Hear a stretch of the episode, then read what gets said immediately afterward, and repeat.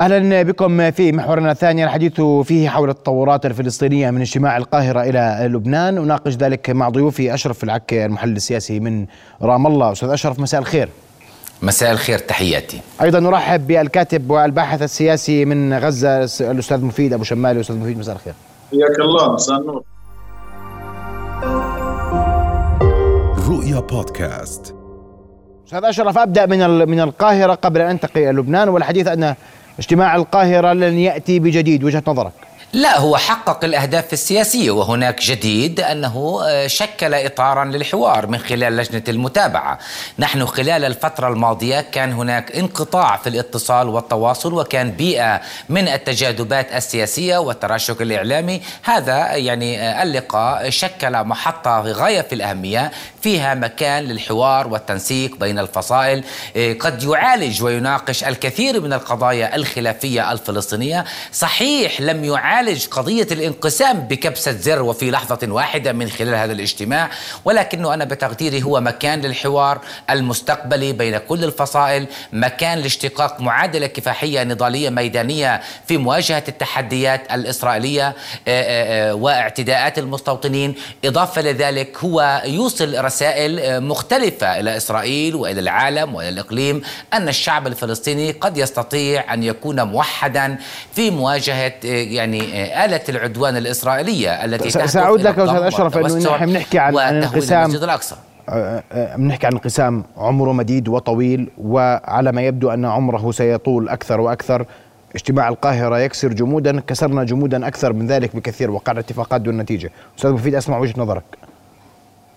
يعني بطبيعة الحال من الواضح أن آه، هذا اللقاء لقاء المنال العامين لم يرتقي إلى مستوى طموح الشعب الفلسطيني. من الواضح أن القيادة الفلسطينية بدعوتها لهذا الاجتماع كانت تبحث عن تجديد شرعيتها فقط في ظل مهددات انهيارها وخاصة بعد الانتصار الكبير الذي حققته المقاومة في جنين وتبين بعده عند تشييع الجثامين فقد هذه السلطة وهذه القيادة إلى حالة الرضا الجماهيري عن أدائها. خاصة عندما تم آه، يعني آه، مطالبة قادة حركة فتح الذين وصلوا لتشييع الشهداء آه، لعدم المشاركة بعدم المشاركة في هذا التشييع.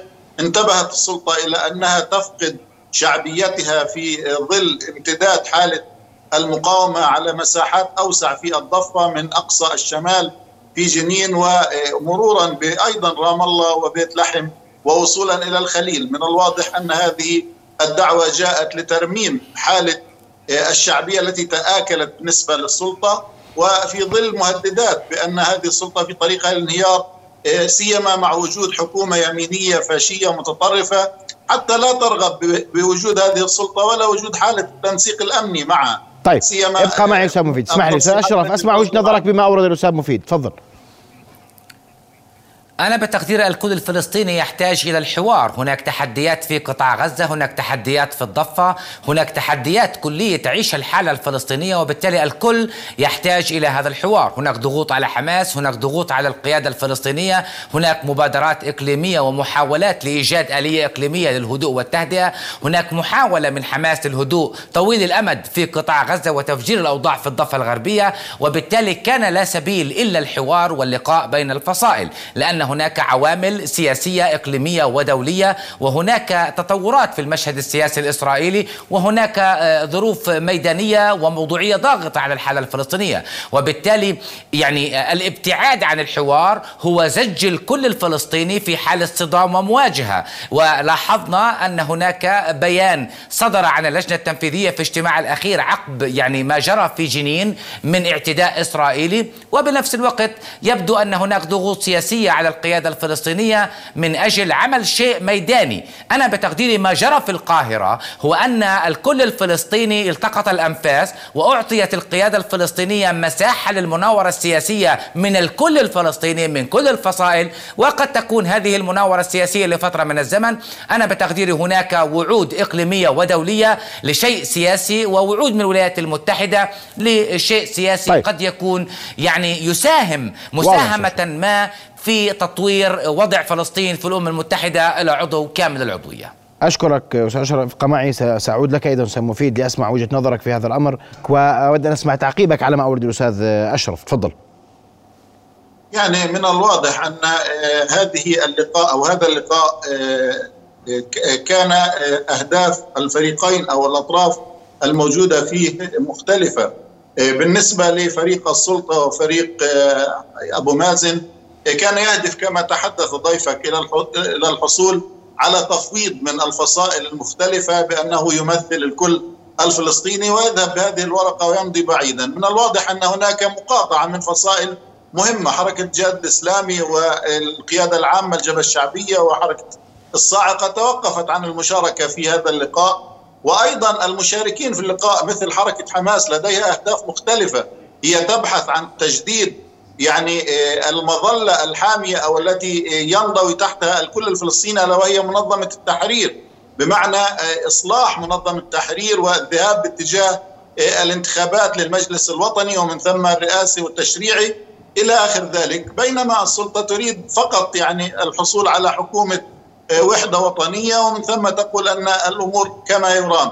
هناك يعني تغييرات جوهرية أحدثتها السلطة. هي جعلت منظمة التحرير ورقه في جيب السلطة الفلسطينية وهذا بطبيعة الحال يقضي على تاريخ الحركة الوطنية الفلسطينية ممثلة بمنظمة التحرير وأهميتها ينبغي أن تكون السلطة هي ورقة هي طيب. يعني جهاز إداري ينظم شؤون الفلسطينيين في الداخل فقط طيب. لا يعبر عن الكل الفلسطيني. هناك 14 مليون واضح فلسطيني موجودين في الداخل والشتات مفيد اعذرني ضيق الوقت واضحة وجهة نظرك لكن نحن نريد لم الشمل الفلسطيني بعيدا عن فتح وحماس وكل كل الحركات الفلسطينية. نريد لم شمل الفلسطيني لأن فلسطين تحتاج إلى لم الشمل الفلسطيني لا أكثر ولا أقل.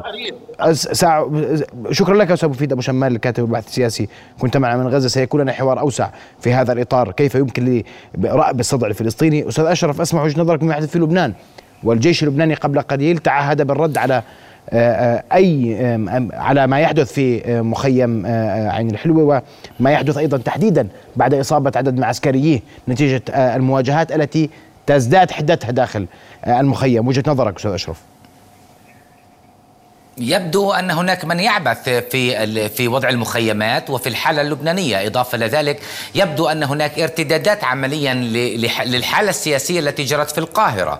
وبالتالي هناك مجموعة من العوامل التي تحدث في لبنان وتحدث في المخيمات. وأنا بتقديري الخلافات السياسية الفلسطينية تعكس نفسها في كل ساحات يعني التواجد الفلسطيني. أنا بتقديري هذا هو ما يجري في لبنان.